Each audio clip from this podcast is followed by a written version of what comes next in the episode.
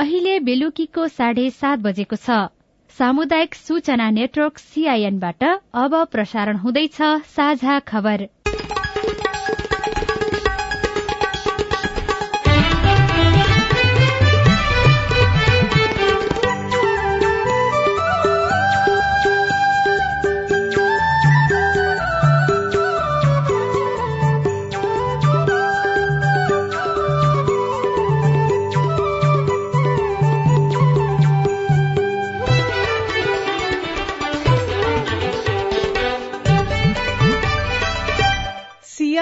साझा खबरबाट स्नेहा कर्णको नमस्कार। साझा खबर देशभरिका सामुदायिक radio CIN Khabar dot com र मोबाइल एप सीआईएनमा पनि सुन्न सकिन्छ।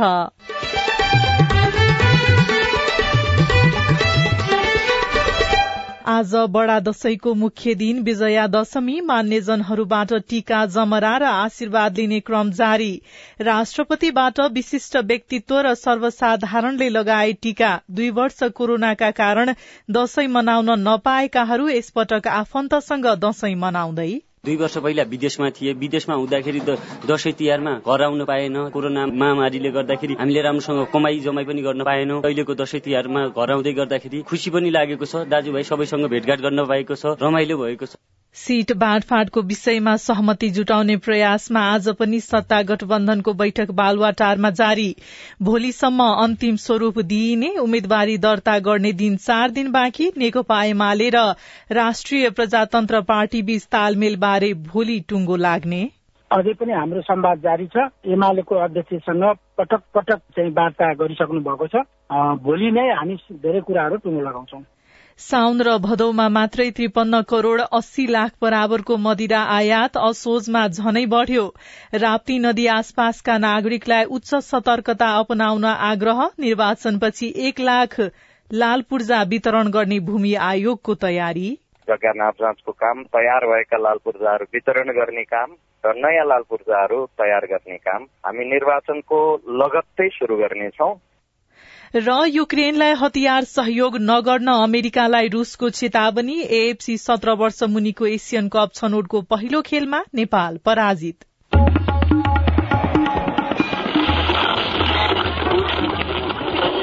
सयौं रेडियो। हजारौं रेडियो कर्मी र करोड़ौं नेपालीको माझमा यो हो सामुदायिक सूचना network CIN Red Cross Scout लगायतका संघ संस्था विश्वव्यापी रूपमा मानवीय सेवा गर्ने र निष्पक्षता काम गर्ने संस्थाको रूपमा प्रसिद्ध छन्। तर नेपालमा भने यस्ता संस्था तथा संगठन राजनीतिक हस्तक्षेप भ्रष्टाचार र अनियमितताको अखड़ा बन्दै गएको छ। सेवाको नाममा दाताले दिएको सहयोगलाई हिनामिना गर्ने यस्ता संस्थाहरूको सुधार र निगरानीको लागि नयाँ तरिकाले बहस गर्नुपर्दछ। अब खबर सुशीला श्रेष्ठबाट। आज विजयादशमीको दशौं दिन। मान्यजनबाट टीका र जमरा लगाएर दशैं मनाइँदैछ। दशैं घरमा प्रतिपदाको दिनदेखि गरिएको पूजा आराधना विधिपूर्वक आज विसर्जन गर्दै ठूला बड़ा र मान्यजनबाट टीका र जमरा लगाएर विजयादशमी मनाइँदैछ। विजयादशमीको दिन आज राष्ट्रपति विद्यादेवी भण्डारीले राष्ट्रपति भवन शीतल निवासमा गुरूहरू देवराज अर्याल र खेमचन्द्र ढकालको हातबाट टीका र प्रसाद ग्रहण गर्नु भएको छ। राष्ट्रपति भवनमा आयोजित टीका कार्यक्रममा उहाँले टीका ग्रहण गरेपछि गुरूहरू छोरी छोरी ज्वाई नातिनी आफन्त र सुरक्षा कर्मीहरूलाई टीका र प्रसाद प्रदान गर्नुभएको थियो। राष्ट्रपति भण्डारीले विशिष्ट व्यक्तित्वहरूलाई साथै सर्वसाधारणलाई पनि टीका लगाइदिनु भएको छ। प्रधानमन्त्री शेरबहादुर देउवाले भने यस वर्षको विजया दशमीको टीका ग्रहण गर्नु भएको छैन। प्रधानमन्त्री देउवाका भाइ प्रेम बहादुर देउवाको निधन भएको एक वर्ष नपुगेका कारण उहाँले यस वर्षको दशैं पनि मनाउनु भएको छैन। नेकपा एमालेका अध्यक्ष केपी शर्मा ओलीले भने आफ्ना बुबा मोहन प्रसाद ओली र बड़ी आमा हरिमाया ओलीको हातबाट दशैंको टीका ग्रहण गर्नु भएको छ। यस्तै नेकपा माओवादी केन्द्रका अध्यक्ष पुष्पकमल दाहाल प्रचण्डले भने छोरीहरू बुहारी र नाति नातिनालाई टीका लगाइदिनु भएको छ। कोरोना महामारीको संक्रमण दर न्यून भएपछि दुई वर्षमा अधिकांश नेपाली दशैं मनाउन गाउँघर पुगेका छन्। दुई वर्ष राम्रोसँग मनाउन नसके पनि अहिले भने परिवारका सदस्य एकै ठाउँमा भेला हुनुको रमाइलो बेग्लै छ। कोरोना महामारीको संक्रमण दर न्यून भएपछि दुई वर्षमा अधिकांश नेपाली दशैं मनाउन गाउँघर पुगेका छन्। दुई वर्ष तनावमा बिते पनि अहिले भने परिवारका सदस्य एकै ठाउँमा भेला हुनुको रमाइलो बेग्लै छ। नेपालमा रहेका वा वैदेशिक रोजगारीमा रहेकाहरूलाई कोरोनाका कारण घर फर्कन नपाएको भन्ने बाहना अघिल्ला दशैंको बेलामा थियो। तर यो वर्षको दशैंमा घर देशदेखि प्रदेशका नेपाली परिवारका सदस्य खोज्दै गाउँमा छन्। मलेसियाबाट फर्किनु भएका बझाङको मस्ट गाउँपालिकाका नरेश दल। दुई वर्ष पहिला विदेशमा थिए। विदेशमा हुँदाखेरि तिहारमा घर आउन पाएन। कोरोना महामारीले गर्दाखेरि हामीले राम्रोसँग कमाई जमाई पनि गर्न पाएनौँ। अहिलेको दसैँ तिहारमा घर आउँदै गर्दाखेरि खुसी पनि लागेको छ। दाजुभाइ सबैसँग भेटघाट गर्न पाएको छ। रमाइलो भएको छ। हुन त यसअघिका दशैंमा पनि आफन्तसँग टीका लगाउने आशीर्वाद लिने मौका नमिलेको होइन। तर यसपालि कोरोना छ दूरी कायम गर्नुपर्छ भन्ने मान्यता खुसी लागेको बताउँदै धनगढ़ीबाट आउनु भएकी स्नेहा उपाध्याय। म चाहिँ धनगढ़ीमा पढ्छु दुई वर्ष अगाडि हामीले कोरोनाको महामारीमा दसैँ तिहार बनाउन पाएनौँ।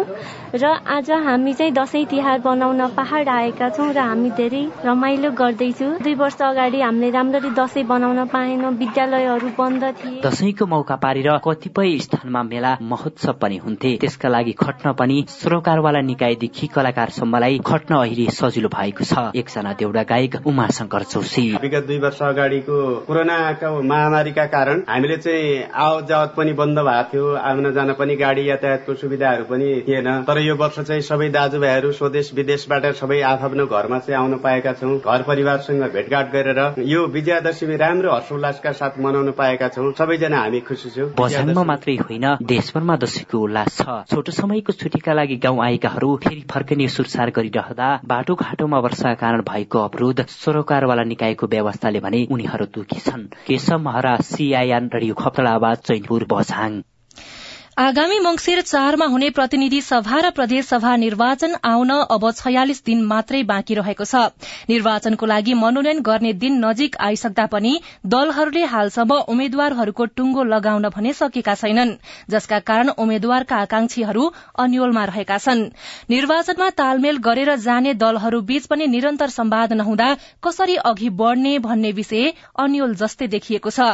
नेकपा एमाले र राष्ट्रिय प्रजातन्त्र पार्टीबीच हुने भनिएको चुनावी तालमेलको प्रयासले अझै मूर्त रूप लिन सकेको छैन। यद्यपि दुई पार्टीबीच शीर्ष तहमा छलफल र सम्वाद जारी रहेको राप्रपाका प्रवक्ता मोहन श्रेष्ठले सीआईएनसँग बताउनुभयो। राप्रपाको र एमालेसँगको लामो समयदेखि संवाद जारी छ। हुन त अब हामी तेइस गते मनोनयन दर्ताको चरणमा पुगिसकेका छौं। अझै पनि हाम्रो संवाद जारी छ। भोलि हाम्रो पार्टीको केन्द्रीय कार्य सम्पादन समितिको बैठक छ। त्यो बैठकले हामी केही क्षेत्रका उम्मेद्वारहरू टुङ्गो लगाउँछौ र एमालेसँग भइराखेको पछिल्लो संवादको अवस्था बारे पनि अध्यक्षले बैठकलाई जानकारी गराउनुहुन्छ। किनभने एमालेसँग वार्ता गरेर तालमेल र सहकार्यको विषय टुङ्गाउन हाम्रो पार्टीले अध्यक्ष राजेन्द्र लिम्देनलाई जिम्मेवारी प्रदान गरेको छ। सो अनुरूप उहाँले एमालेको अध्यक्षसँग पटक पटक वार्ता गरिसक्नु भएको छ। भोलि नै हामी धेरै कुराहरू टुङ्गो लगाउँछौं। सत्ता गठबन्धनमा पनि हालसम्म सीट बाँडफाँडको विषयमा सहमति जुट्न सकेको छैन। झण्डै दुई महिनादेखि निरन्तर सीट बाँडफाँडको विषयमा सहमति जुटाउने प्रयास सहित बस्दै आएको बैठक आज पनि जारी रहेको छ। दैनिक जसो बस्ने बैठकमा कुरा नमिल्दा गठबन्धनका दलहरूबीच विवाद उत्पन्न भएको छ। सीआईएनसँग कुराकानी गर्दै एकीकृत समाजवादीका नेता जगन्नाथ खतिवड़ाले केही विषयमा अझै पनि विवाद रहेका कारण सीट बाँडफाँडको विषय टुङ्गो नलागेको बताउनुभयो। सत्ता गठबन्धनको सिट बाँडफाँडको विषय अन्तिम टुङ्गो लागिसकेको छ। दुई चार दसवटा सिटहरूमा मात्र अलिअलि समस्या बाँकी छ। पाँच दलीय गठबन्धनको बीचमा बहस छलफल पनि जारी छ। आज दशैंको टिकाको दिन पनि यो छलफल जारी नै छ।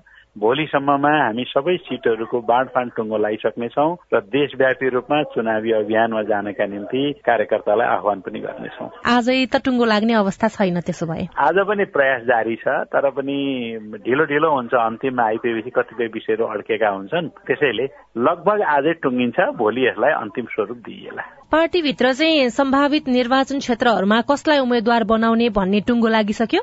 अब हामी पनि दुई तिन चारवटा ठाउँमा अझै हाम्रो कुरा मिलेको छैन। त्यसैले त्यति कुरा लागि मात्रै पर्खेर बसिया छौँ आगामी निर्वाचनका लागि उम्मेद्वारी दिने समय चार दिन मात्रै बाँकी हुँदा समेत दलहरूबीच सहमति जुट्न सकेको छैन। गठबन्धनका कारण आफ्नो टिकट नै गुम्ने हो कि भन्ने चिन्ताका कारण कतिपय उम्मेद्वारका आकांक्षीहरूले बागी उठ्ने चेतावनी समेत दिँदै आएका छन्। यसैबीच प्रधानमन्त्री शेरबहादुर देउवाले प्रतिनिधि सभा र प्रदेशसभा सदस्यको निर्वाचन स्वतन्त्र निष्पक्ष र भयरहित वातावरणमा सम्पन्न गर्न सरकार प्रतिबद्ध रहेको बताउनु भएको छ। बडा दशैंको अवसरमा आज शुभ शुभकामना दिँदै उहाँले सरकारको यो प्रयासमा सबै राजनीतिक दल आम नागरिक सुरक्षाकर्मी राष्ट्र सेवक कर्मचारी नागरिक समाज र संचार क्षेत्रको साथ र सहयोग आवश्यक रहेको उल्लेख गर्नुभयो। आवधिक निर्वाचनले लोकतन्त्रलाई मजबूत सक्षम र सबल बनाउने उहाँको भनाइ छ। प्रधानमन्त्री देवालले ताजा निर्वाचनबाट सरकार गठन भएपछि संविधानमा उल्लेख भएका नीति तथा कार्यक्रम थप प्रभावकारी ढंगले कार्यान्वयन भई मुलुकमा जनताको चाहना र अपेक्षा बमोजिम विकास र समृद्धिका कार्यहरूले गति लिने विश्वास पनि व्यक्त गर्नुभयो।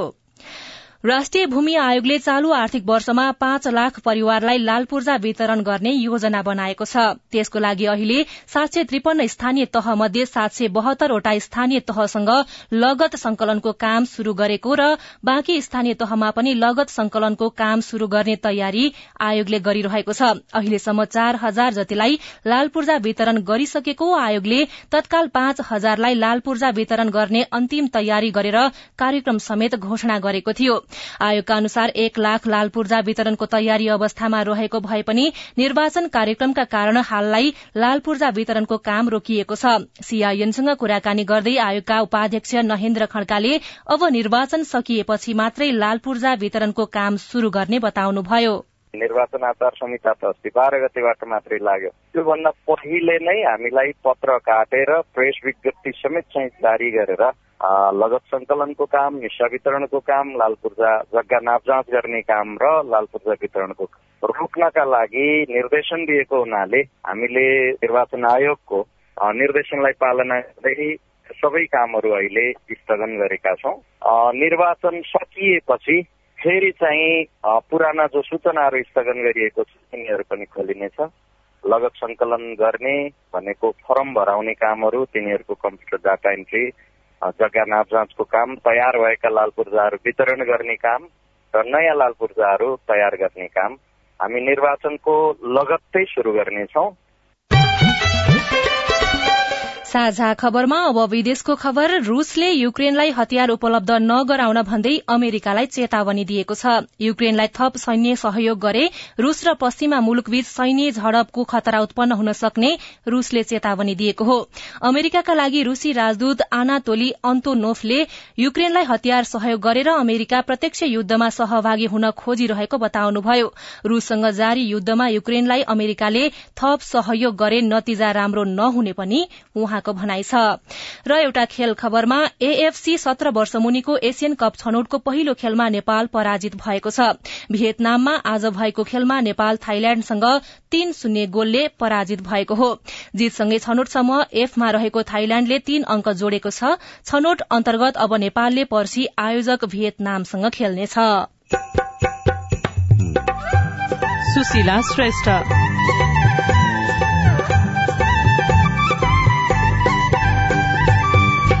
बोल्न र दुवै हात चलाउन नसक्ने नवलपरासीका खामसा मगरको साहित्यकार बन्ने इच्छा?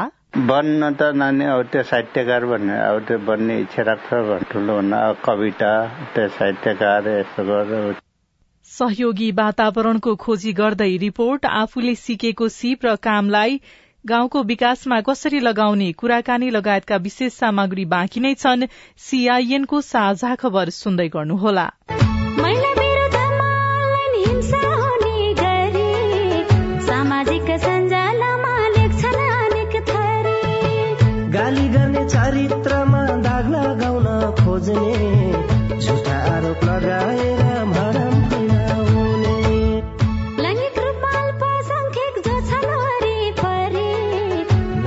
थरी हिंसा गर्छन् होच्याउने गरी। नजिस्काउनु शरीर र यौनिकतालाई हेरी। कानुनको नजर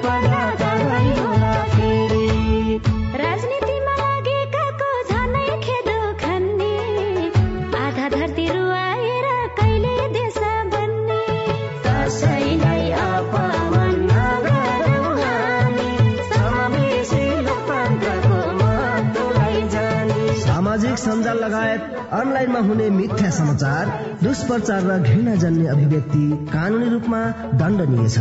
अनलाइन हिंसा नगरौं र नसहौं। युएसएआईडी र एनडिआई नेपालको आर्थिक तथा प्राविधिक सहयोगमा पर्पल फाउन्डेसनको चेतनामूलक सन्देश। सामाजिक रूपान्तरणका लागि यो हो सामुदायिक सूचना नेटवर्क सीआईएन तपाई सामुदायिक सूचना नेटवर्क सीआईएनले तयार पारेको साझा खबर सुन्दै हुनुहुन्छ।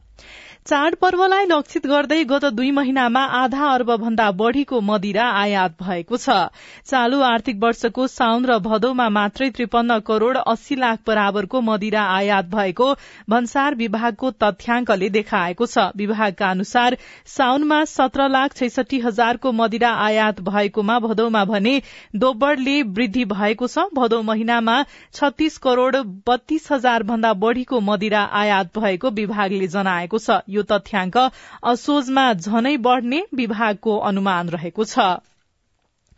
लगातारको वर्षाले इन्द्रावती नदीमा बनाइएको अस्थायी पुलमा क्षति पुगेको छ। हिजोदेखि परिरहेको लगातारको वर्षाले हिम पाइप माथिबाट पानी बगेको तथा पुलमा क्षति पुगेको स्थानीयले बताएका छन्।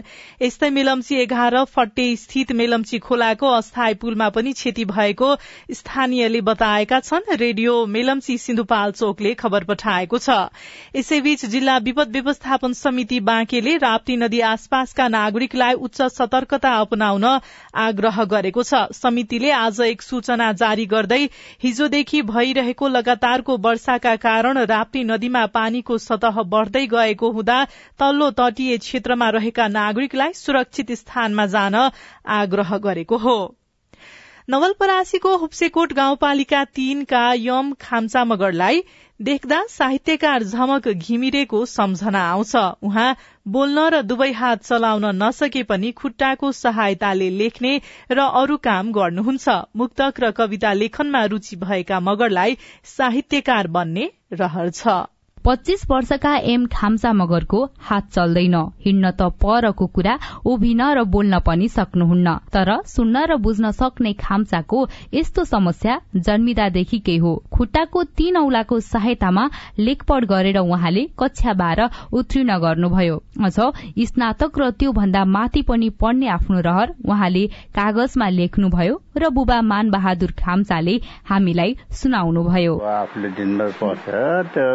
पढ्ने अनि कहिले कहिले बोर हुँदाखेरि मोबाइल हेर्ने कहिले कहिले फेसबुक पनि चलाउँछु बन्न त नानी अब त्यो साहित्यकार भन्ने अब त्यो बन्ने इच्छा राख्छ भन्ने ठुलो कविता त्यो साहित्यकार यस्तो गरेर उसमा त्यसको इच्छा हो कि नानी अब इच्छाको अघि हामीले केही भन्न सक्दैन अब हाम्रो त अब तलबाट कसरी त्यसलाई माथि पुर्याउँ भन्ने चाहना राखेको छ खाम्सा दिनैभरि घरमै बस्नुहुन्छ मन परेका किताब पढ्दै र मुक्त कविता लेख्दैमा समय बित्छ साहित्यकार झमक कुमारी घिमिरे जस्तै खाम्सालाई पनि लेखक बन्ने चाहना छ। उहाँले चार सय भन्दा बढ़ी मुक्तक लेखिसक्नुभयो। छोराको फरक क्षमता देखेर खुशी लागे पनि भविष्य सम्झेर आमा योग माया खाम्सालाई नरमाइलो लाग्छ। आफूले पढेर गरेर राम्रो हुन्थ्यो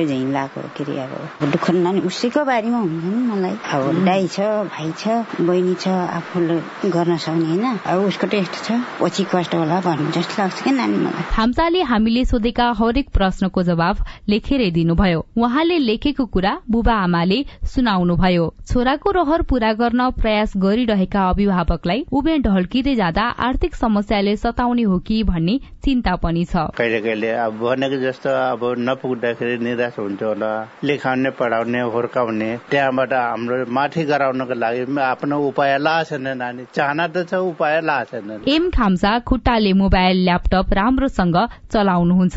देश विदेशका घटना थाहा पाउन उहाँ सामाजिक सञ्जालको प्रयोग गर्नुहुन्छ। आफूलाई आवश्यक परेका कुरा मोबाइलमा लेखेर परिवारलाई भन्नुहुन्छ। तिम्रो र मेरो छुट्टै एउटा दुनियाँ होस् तिमी र मबाट एक दुई भुलिया होस् सानो घर अनि अलिकति खेतबारी त्यही खेतबारीमा धान गहुँको कुन्ने होस्। खाम्चालाई धेरै भन्दा धेरै मुक्तक र कविता लेख्नु छ। त्यसका लागि उहाँ उपयुक्त वातावरणको पर्खाइमा हुनुहुन्छ। Pavitra Parajuli CIN Vijay FM Nawalpur. साझा खबरमा अब हेलो सीआईएन सजना तिमल सिन्हाबाट। नमस्कार म विवेक केसी त्रिवेणी गाउँपालिका वार्ड नम्बर दुई रामिडा रोल्पाबाट हो। नेपाल राष्ट्र ब्याङ्कबाट रु एक र रु दुईको नोट बजारमा नपठाउनुको कारण के होला दसैँको बिचमा जवाफ दिँदै हुनुहुन्छ नेपाल राष्ट्र ब्याङ्कका प्रवक्ता गुणाकर भट्ट। अब यिनीहरूको क्रय शक्ति पनि केही घट्दै गएको अवस्थामा कागजी नोट हामीले छपाई गर्ने विदेशमा त्यसपछि त्यसको ढुवानी गर्ने यो सबै कारणले गर्दा अलिकति खर्चिलो छ यो झन्झटिलो छ। यसलाई ध्यानमा राखेर एक र दुईको कागजी नोटको ठाउँमा एक र दुईको सिक्का चाहिँ बजारमा छ। माधव विश्वकर्मा काभ्रे जिल्ला बेथान्चोक गाउँपालिका वडा नम्बर दुईबाट। म नेपालको लगभग लगभग धेरै जिल्लामा आउने जाने गर्छौँ। एकाध व्यवसायहरूले चाहिँ कस्तो गर्नुहुन्छ भने गाडी भाडा अलिक चाहिने भन्दा पनि बढी लिने अनि डिलक्सको अब एसीहरू गाडीहरू भन्ने एसी नचलाउने समस्याहरू राति खाना खाने बेलामा टाइम भन्दा बाहिर एक बजे दुई बजे खाना खाना ओह्राल्ने यसको अन्त्य कहिले हुन्छ हुँदैन। यो समस्या समाधान गर्नलाई राज्यले कुन खालको नीति बनाउँछ या बनाउँदैन? तपाईँको गुनासो सुनेपछि काठमाडौँ उपत्यका ट्राफिक प्रहरी कार्यालयका सहप्रवक्ता प्रहरी उपरीक्षक अवदेश विष्ट छेत्री भन्नुहुन्छ। यो विषयमा विभिन्न व्यक्तिहरूलाई हामीले पक्राउ गरेका छौँ र त्यस्तो नगरिदिनुहोस् भनेर हामीले यातायात व्यवसायी संघलाई पनि अनुरोध गरेका थियौँ। हाम्रो अनुगमन समिति पनि बनेका थियो। त्यसले पनि केही मात्रामा कन्ट्रोल गरेका र हामीले चौन्न ती मध्ये चौन्न जनालाई कारवाहीको दायरामा लिएर छौँ। तपाईँ जुनसुकै बेला हाम्रो आइभीआर नम्बर शून्य एक बान्न साठी छ चार छमा फोन गरेर आफ्नो प्रश्न गुनासो प्रतिक्रिया तथा समस्या रेकर्ड गर्न सक्नुहुनेछ। तपाई सामुदायिक सूचना नेटवर्क सीआईएनले काठमाण्डुमा तयार पारेको साझा खबर सुन्दै हुनुहुन्छ। साझा खबर मोबाइल एप नेपाली पात्रोबाट पनि सुनिरहनु भएको छ। दशैंमा घर फर्किएकाहरूले गाउँ समाजको विकासका लागि के के योगदान गर्न सक्छन्? सबैको सुझाव चाहिन्छ। कसरी आफ्नो गाउँ बनाउने आफ्नो ठाउँ बनाउने भनेर। एकजनाको सुझावले मात्रै गर्ने भनेदेखि त हामी एउटै नेता लिएर चाहिँ जिन्दगीभरि गइहाल्थ्यौँ होला। आफूले सिकेको सिप र कमाईलाई गाउँको विकासमा कसरी लगाउने विशेष कुराकानी लगायतका सामग्री बाँकी नै छन् सीआईएनको साझा खबर सुन्दै गर्नुहोला। रमा दिदी फेरि चुनाव लागे जस्तो छ नि कताको यात्रा हो? तल चौतारीमा आज सबै पार्टीका अध्यक्षहरू आउने रे। महिलालाई टिकट देऊ भनेर दबाब दिन हिँडेको। भनेपछि महिला उम्मेद्वारको पक्षमा महिलाको र्याली अनि दिदी महिलालाई उम्मेद्वार बनाउन तयार हुन्छन् त पार्टी र पुरुष नेताहरू? संविधानले तेत्तीस प्रतिशत महिला सहभागिता गराउनु पर्ने भनेको छ। त्यसैले अब महिला उम्मेद्वारलाई मतदान गरी जिताउनु पर्छ क्या? अनि महिला नै किन? पहिलो त जनसंख्याको आधारमा हाम्रो प्रतिनिधित्व हुने कुरा लोकतन्त्रको आधार हो र हाम्रो अधिकार पनि। अर्को महिलाले जितेमा महिला र अन्य पछाडि पारिएका समुदायको मुद्दा सम्बोधन नीतिगत व्यवस्था र कार्यान्वयन प्रभावकारी हुन्छ। सुन्या होला नि जसको सवाल उसकै नेतृत्व। अनि सुन्नु त महिला उम्मेद्वार उठेपछि उनीहरूका घोषणा पत्रमा महिलाका लागि के के विषय राख्ने भन्ने बारे पनि यस्तै खबरदारी गर्नुपर्छ। घोषणा पत्रले महिलाको सवाल समेट्न सक्यो भने पो हाम्रा मुद्दा अगाडि आउँछन्। नेताहरू उत्तरदायी हुन्थे र हामी महिलाहरूलाई पनि भोट दिम दिम लाग्छ नि। महिला उम्मेद्वार उठेपछि महिलाका लागि के के कुरा चाहिन्छ भन्ने बारे त फेरि हामीले नै सुझाव दिने हो क्या?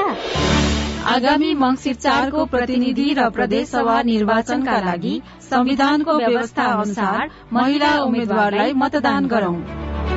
महिला पुनस्थापना केन्द्र ओरेक नेम्स केयर नेपाल र सामुदायिक सूचना नेटवर्क सीआईएन सामाजिक रूपांतरण का लागि यो हो सामुदायिक सूचना नेटवर्क सीआईएन तपाई सामुदायिक सूचना नेटवर्क सीआईएनले काठमाण्डुमा तयार पारेको साझा खबर सुन्दै हुनुहुन्छ। लामो विदा नयाँ लुगा र मिठा परिकार खाने पारिवारिक जमघट आध्यात्मिक शक्ति आर्जन र सामाजिक सद्भावका हिसाबले दशैं नेपालीहरूको सबैभन्दा ठूलो पर्व हो। दशैंमा घर फर्किएकाहरूले गाउँ समाजको विकासका लागि के कस्ता योगदान दिने सोच बनाइरहेका छन्।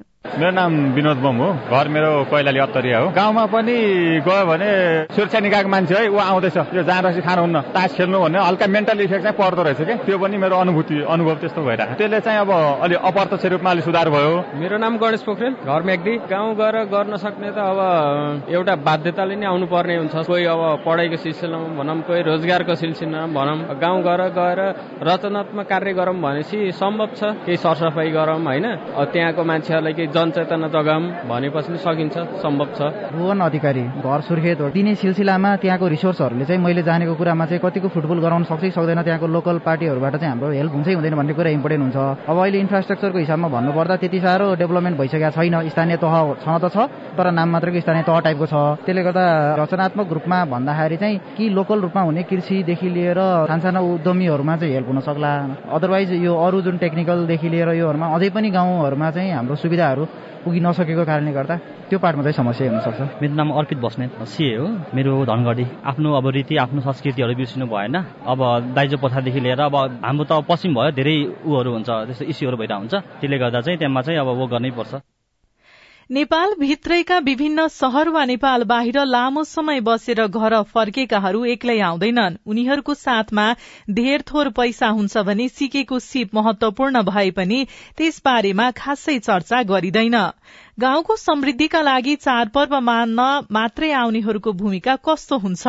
हामीले लीड नेपाल नामक संस्थाका अध्यक्ष अनिल केसरी शाहसँग कुराकानी गरेका छौं। सहरबाट गाउँ जाने हो या विदेशबाट देश फर्किने हो त्यो बेलामा हाम्रो घर परिवार गाउँ आफ्नो ठाउँको समाजमा जे हामीले देखेको छौँ काठमाडौँमा देखेको छौँ या विदेशमा देखेको छौँ नकारात्मक होइन सकारात्मक कुराहरूलाई चाहिँ लिएर गएर त्यहाँ छलफल गरौँ कि त्यो कुरा पनि हामी कसरी गर्न सक्छौँ त हाम्रो गाउँमा या हाम्रो होइन टोलमा या हाम्रो जहाँ छौँ हाम्रो घरमा। देशको विकासै गर्ने हो भनेदेखि चाहिँ होइन कोहीले गरिदेला होइन सरकारले गरिदेला या विदेशीले गरिदेला भनेर बस्यो भने त्यो भ्रममै हाम्रो जिन्दगी जान्छ। हाम्रो ठाउँको विकास गर्ने हो भने हामीले नै सुरुवात गर्नुपर्छ। कुनै भूगोल अथवा कुनै जात वर्ग समुदायमा यस्तो प्रकारको अभ्यास चलिराखेको जस्तो यहाँलाई लाग्छ कि अथवा खासै ध्यान नगएको जस्तो ठान्नुहुन्छ? मेरो ब्याङ्किङ करियर सुरु गर्दाखेरि म ग्रिनलेज ब्याङ्कमा थिएँ। एउटा कस्टमर चाहिँ ब्रिटिस गोर्खा पनि थियो होइन। ब्रिटिस गोर्खाहरू भएको गाउँहरूमा पनि जानु पाइयो र विदेशमा पनि जानु पाइयो। मैले के पाएँ भनेदेखि ब्रिटिस गोर्खाहरू फर्केर जुन गाउँमा बस्नु भएको छ त्यो गाउँमा एउटा सरसफाइ एकदम अरू गाउँभन्दा बढी चाहिँ पाएँ। दोस्रो त्यो गाउँको बच्चाहरू स्कुलमा कलेजमा एकदम साथ गइरहेको छ। त्यो किन भयो भनेर भन्दाखेरि र सुशासन अरू ठाउँभन्दा राम्रो छ। भन्दाखेरि उहाँहरू जहाँ जानुभयो उहाँहरूले देख्नुभयो ओहो पढाइको त धेरै महत्व रहेछ। होइन घर आँगनलाई सफा राख्नुपर्ने रहेछ सुशासित जिन्दगी बिताउनु पर्ने रहेछ भनेर त्यहाँबाट पैसा मात्रै होइन। सिप पनि सिकेर आउने एउटा सोच पनि सिकेर आउने नेपालीले रहेछन् भनेर सिकेको थियौँ। कुनै व्यक्तिले कुनै संगठनमा अथवा कुनै देशमा पुगेर सिकेको कुरालाई नेपालमा अथवा आफ्नो गाउँ टोलमा लगाउन सक्छ भने नेपालमै केही गरिराखेका व्यक्तिहरूले अथवा अरू कुनै क्षेत्रमा काम गरेर आएको व्यक्तिहरूले आफ्नो गाउँ बनाउने त्यस्तो प्रकारको अभियान सञ्चालन नगर्न सक्नुको कारण के हो त अहिलेसम्म? वातावरण बन्नु पर्यो। त्यस्तो मान्छे फर्केर आएपछि भनौँ न अब राजनीतिक दल होस् या त्यहाँको वार्ड होस् या जेसुकै होस् उहाँहरूले पनि बोलाएर ल भन न भाइ बहिनी तिमीले के सिकेर आएको छौ त्यो यो गरौँ भनेर ऊ भन्ने हो। हामीले त के देख्छौँ भने नेपाली विदेश गयो भने फेरि एउटा चिज देख्छौँ। ए डलर पठा है डलर पठा भन्ने मात्रै देख्छौँ हामी चाहिँ। त्यो डलर कमाउँदाखेरि उहाँले जे सिप सिक्नुभयो त्यो सिपबाट जुन हामीले यहाँ लगानी गरेर प्रतिफल लिन सक्छौँ त्यसको त विचारै गरेका छैन। परिवार होस् या हाम्रो समाज होस् हाम्रो सरकार होस् सिर्फ रेमिटेन्स रेमिटेन्स रेमिटेन्स भन्छौँ। देश विदेशमै रहेका व्यक्ति जसले केही न केही सिकेका छन् ती व्यक्ति स्वयंले पनि त मैले यो सिकेको छु त्यसैले यो गरौँ न भनेर त्यो नेतृत्वदायी भूमिका निर्वाह गर्न सक्छन् कि सक्दैनन्? एब्सोल्युटली सक्छ। धेरै युवाहरू मैले पनि भेटेको छौँ तर उहाँहरूले भन्नुहुन्छ दाई के गर्ने? हामीले दिएको सुझावहरू कहिले सुन्ने कानै छैनन्। भनेर गर्नुहुन्छ। उहाँहरू विदेश किन जानु भएको उहाँहरूको परिवारको जिन्दगी राम्रो होस् भनेर जानु भएको छ रमाउन घुम्न त जानु होइन। अब यहीँ त्यो पैसा कमाउने वातावरण छ भने उहाँहरूले आएर यहीँ गर्नुहुन्छ। आएर उहाँले प्रयास पनि गर्नुहुन्छ। को फेरि फर्केर जानु सक्नुहुन्छ? म इलेक्ट्रिसियन काम गरिरहेको छु कहीँ होइन? दोहामा भने फर्केर आएर मैले यहीँ एउटा इलेक्ट्रिकल व्यवसाय गर्नु सक्छु भनेदेखि त म यहीँ गर्छु नि। वर्षौंसम्म त केही हुँदैन। चार पाँचजना मान्छेहरू पाँच सात दिनसँगै बसेर छलफल गरेर हुन्छ र भनेर पनि कतिपयले सोच्न सक्छन्। त्यसरी सोच्न ठिक छ कि अथवा बेठिक छ? त्यो ठिक छ। आफू गफ मात्रै गर्ने होइन? गएर आफ्नो वार्डमा गएर जसलाई चाहिँ भोट दिएर हामीले त्यो ठाउँमा पुऱ्याएको छौँ उहाँहरूसँग बसेर भन्नु पर्यो कि हाम्रो गाउँमा अझसम्म पानी किन आएको छैन? यो बाटो यस्तो छ। हाम्रो गाउँमा हेल्थ पोस्ट किन छैन? एउटा राम्रो स्कुल किन छैन? र त्यो गर्नलाई हामीले यो गर्न सक्छौँ भनेर त्यो सुझाव दिनु पर्यो उहाँले कसलाई भोट गर भनेर म भन्दिनँ तर जसले आफ्नो ठाउँमा आफ्नो गाउँमा राम्रो गर्छ उसलाई भोट दिउँ न त्यो पनि एउटा ठुलो सुझाव हो। सोच सकारात्मक राख्नु पर्यो। नेपालमै बसेको काम गरिराख्नु भएको मान्छेहरू चाहिँ गाउँ जानुहुन्छ आफ्नो ठाउँ जानुहुन्छ भनेदेखि झन् राम्रोसँग ऊ गर्नु सक्छ किनभने उहाँको त टच भइराख्नु छ नि। मेरो पुस्ताले गर्नु सकेन तर आउने यो युवा पुस्ताहरूमा त्यो त्यो जाँगर देखेको छु त्यो सिप देखेको छु र मलाई लाग्छ नेपाल भोलि हिजोभन्दा धेरै फरक हुने होला। चाडबाडकै लागि भए पनि गाउँ फर्केका व्यक्तिहरू पनि विभिन्न उमेर समूहका हुन्छन्। कोही किशोरावस्थाका व्यक्तिहरू पनि रहने भए युवा अवस्थामा अझ कोही त्योभन्दा माथिल्लो उमेर समूहका व्यक्ति हुन सक्छन्। ती सबैको एउटै छलफल भविष्यमा के गर्न जान्छौँ भन्ने बारेमा योजना बनाउने हो कि फरक फरक छलफलबाट हामीले गाउँलाई समृद्ध बनाउने योजना बनाउन सक्छौँ। सबैको सुझाव सुन्नलाई। ए त बच्चै छ तेरो नभन् भने त्यो बच्चाबाट सबभन्दा राम्रो चाहिँ ऊ आउनु सक्छ नि होइन? अठार उन्नाइस बिस एक्काइस वर्षको होला। होइन या एकदम पचहत्तर वर्षको भइसक्यो तिम्रो के सुन्ने भन्ने त्यो नगरौँ। उमेर भनेको एउटा नम्बर भन्छौ नि त्यो सानोलाई पनि हो ठुलोलाई पनि हो एउटा नम्बर मात्रै हो।